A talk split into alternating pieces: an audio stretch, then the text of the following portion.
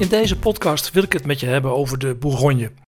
Het is een mooi vakantiegebied dat veel heeft te bieden en je hoeft er niet eens zo ver voor te rijden.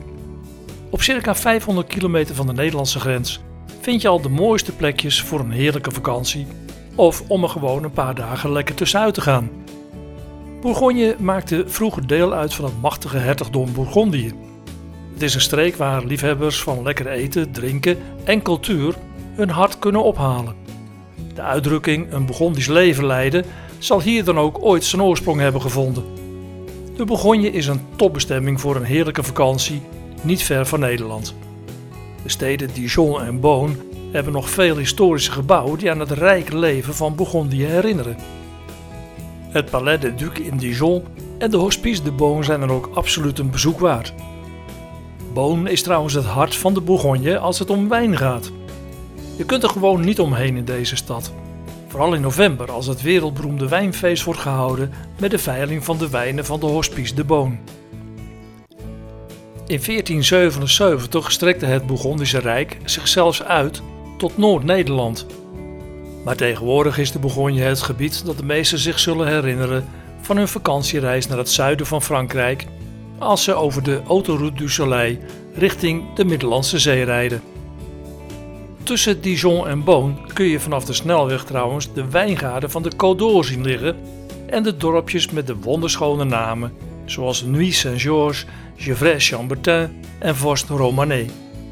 De wijngaarden bij deze dorpen brengen fantastische rode wijnen voort en een rit tussen Dijon en Beaune is zeker aan te bevelen, vooral als je de moeite neemt om in de dorpjes even te stoppen.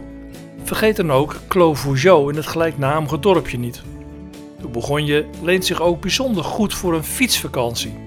De paden langs de kanalen, de routes door de wijngaarden en de prachtige bossen van de Morvan zijn echt de moeite waard om op de fiets ontdekt te worden. En naast de talloze wijngaarden vind je in de Bourgogne genoeg natuur en ruimte voor een heerlijke vakantie. Ten zuiden van Mâcon ligt bijvoorbeeld de Ros de Solutré. In de naaste omgeving van deze rots zijn overblijfselen uit de prehistorie ontdekt. Het is een mooie streek waar ook goede wijnen vandaan komen, zoals van de wijngaarden van Pouilly-Vissé. En nog iets zuidelijker de wijngaarden van de beroemde Beaujolais. Ook op het gebied van oude Romeinse ontdekkingen is de Bourgogne een streek waar veel valt te zien. Zoals bijvoorbeeld bij het stadje Autun. En als je daar toch bent, de kathedraal van Autun is een plaatje en een bezoek absoluut waard. En als je in Cluny de resten van de enorme abdij gaat bezoeken, beland je midden in de geschiedenis van wat eens het machtigste klooster van Europa was. De resten van dit indrukwekkende bouwwerk zijn in Cluny nog steeds te zien. Wat kloosters en abdijen betreft is de Bourgogne sowieso goed voorzien. Bekende abdijen zijn bijvoorbeeld te vinden in Vézelay, Pontigny en Fontenay. En ze zijn allemaal een bezoek absoluut waard. Vooral de prachtige abdij van Fontenay is een juweeltje om te bezoeken.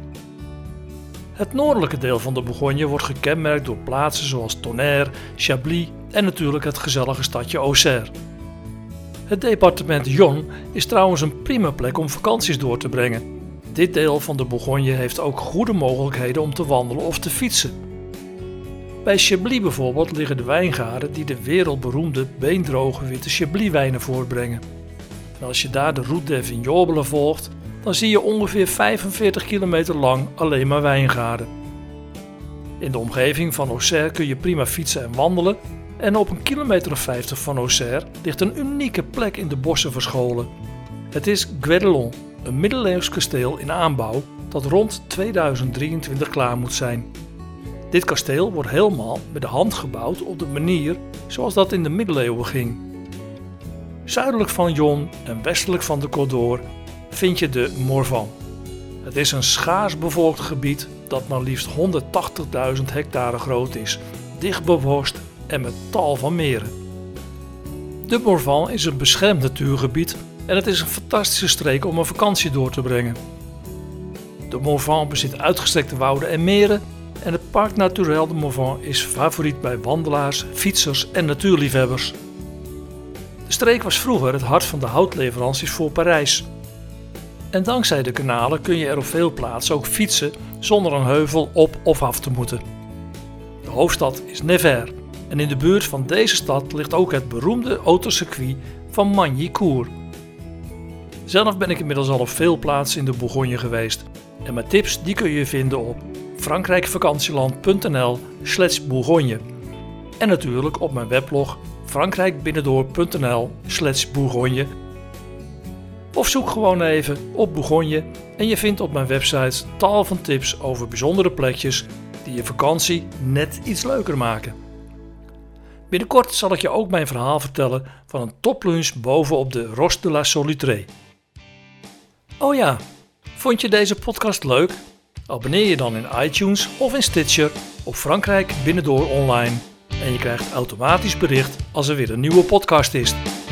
En je kunt natuurlijk ook altijd even kijken op frankrijkbinnendoor.nl slash podcasts. Tot mijn volgende podcast.